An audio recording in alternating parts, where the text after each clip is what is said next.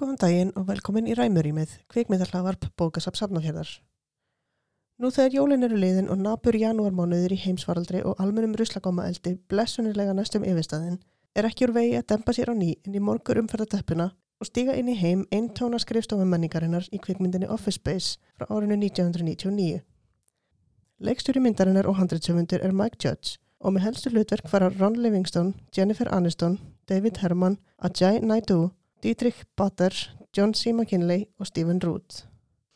Office Space byggir á stöðtu teiknumyndasketjunum Milton sem Mike Judge gerði upphaflega árið 1991 og verið síndir í Saturday Night Live um meðjan tíunda áratögin.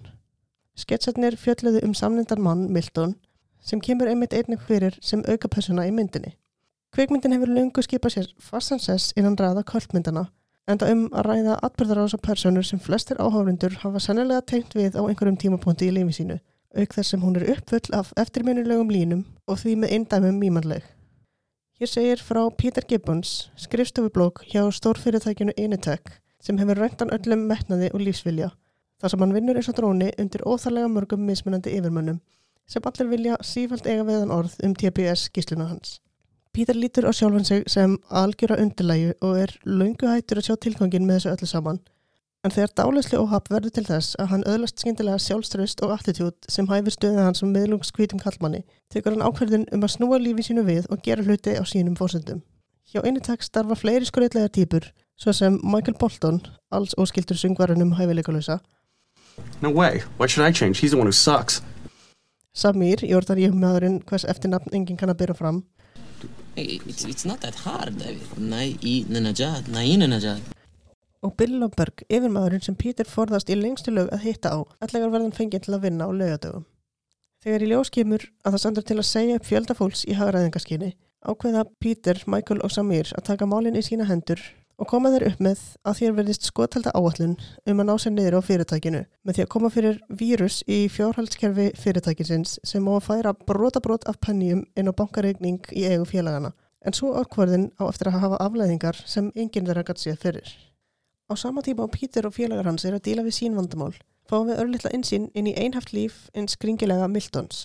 Milton hefur unnið svo lengi hjá fyrirtækinu að hann er nánast orðin einn af húsgögnunum.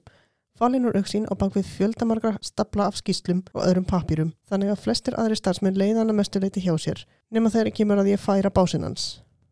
And, and I told Dom too because they've moved my desk four times already this year and I used to be over by the window and I could see the squirrels and they were married but then they switched from the swing line to the Boston stapler but I kept my swing line stapler because it didn't bind up as much and, and I kept the staples for the swing line stapler Milton er sífælt tautandi og maldandi í móin yfir öllu og öllum og þá sérstaklega yfir mönnum sínum.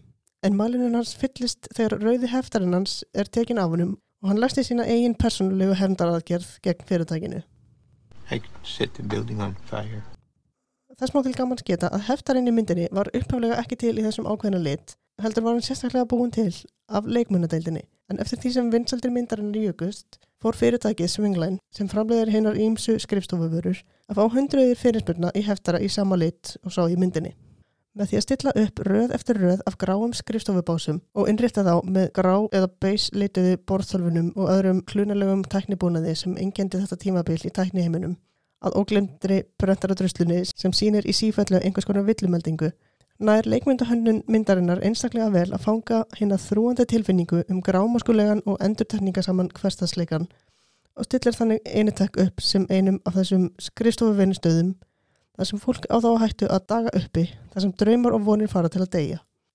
Pítur er því langt frá því að vera eini starfsmæðurinn á skrifstofunni sem þjáist af krónísku metnaðar og tilgangsleysi heldur verðist verðtamóti flest starfsfólkið vera álíka metnaðalítið gagvar starfinu, hvort heldur sem umræðraða yfirmenn eða almennt starfsfólk á plani. Og eini ljósi punkturinn á vinnudeginum er þegar einhverju ámali og allir fá köku. Næstum því. Við fáum einnig að kynast Jóhannu sem vinnir sem þjótt á matsölustanum Tjotskís og sem Pítur hrifin af. Jóhanna er á sveipum stað í lífinu og Pítur að því leiti að hún er fótumtróðin af yfirmanni sínum og fyrirtækinu sem hún vinnur hjá. Það er áhugavert að byrja saman vinnustæðamenningu Initek annarsvegar og Tjotskís sinsvegar. Því þótt vinnustæðinir tveir séu jafn ólíkir og eppli og reyðhjól þá hafa þeir mjög svipið andleg áhrif á starfsfólki sitt. Að því leiti að í báðum tilfellum er verið að bæla personuleika starfsfólks í þáu fyrirtækisins. Hjá Initek er það gert með litlösu umhverfi og einhæfri og endurtekningarsamri vinnu sem aldrei tekur enda. En hjá Tjotskís er því akkurat öfugt farið því þær er alltaf fjör og starfsfólk á alltaf að vera hrest allan daginn. Auk þess sem það er skikkað til að bera að minnstakosti lámarksfjölda af skrautlegum barmerkjum og helst fleiri. En Peter og Joanna taka þó á sínum vinnutengdum vandamálum á afar ólíkan hátt. Á meðan Peter grýpur bókstaflega til þess að stunda lögbrot, þá tæklar Joanna þetta eins og venjuleg manneskja þegar hún fæði sér fullsata af vinnunni og segir hreinlega upp.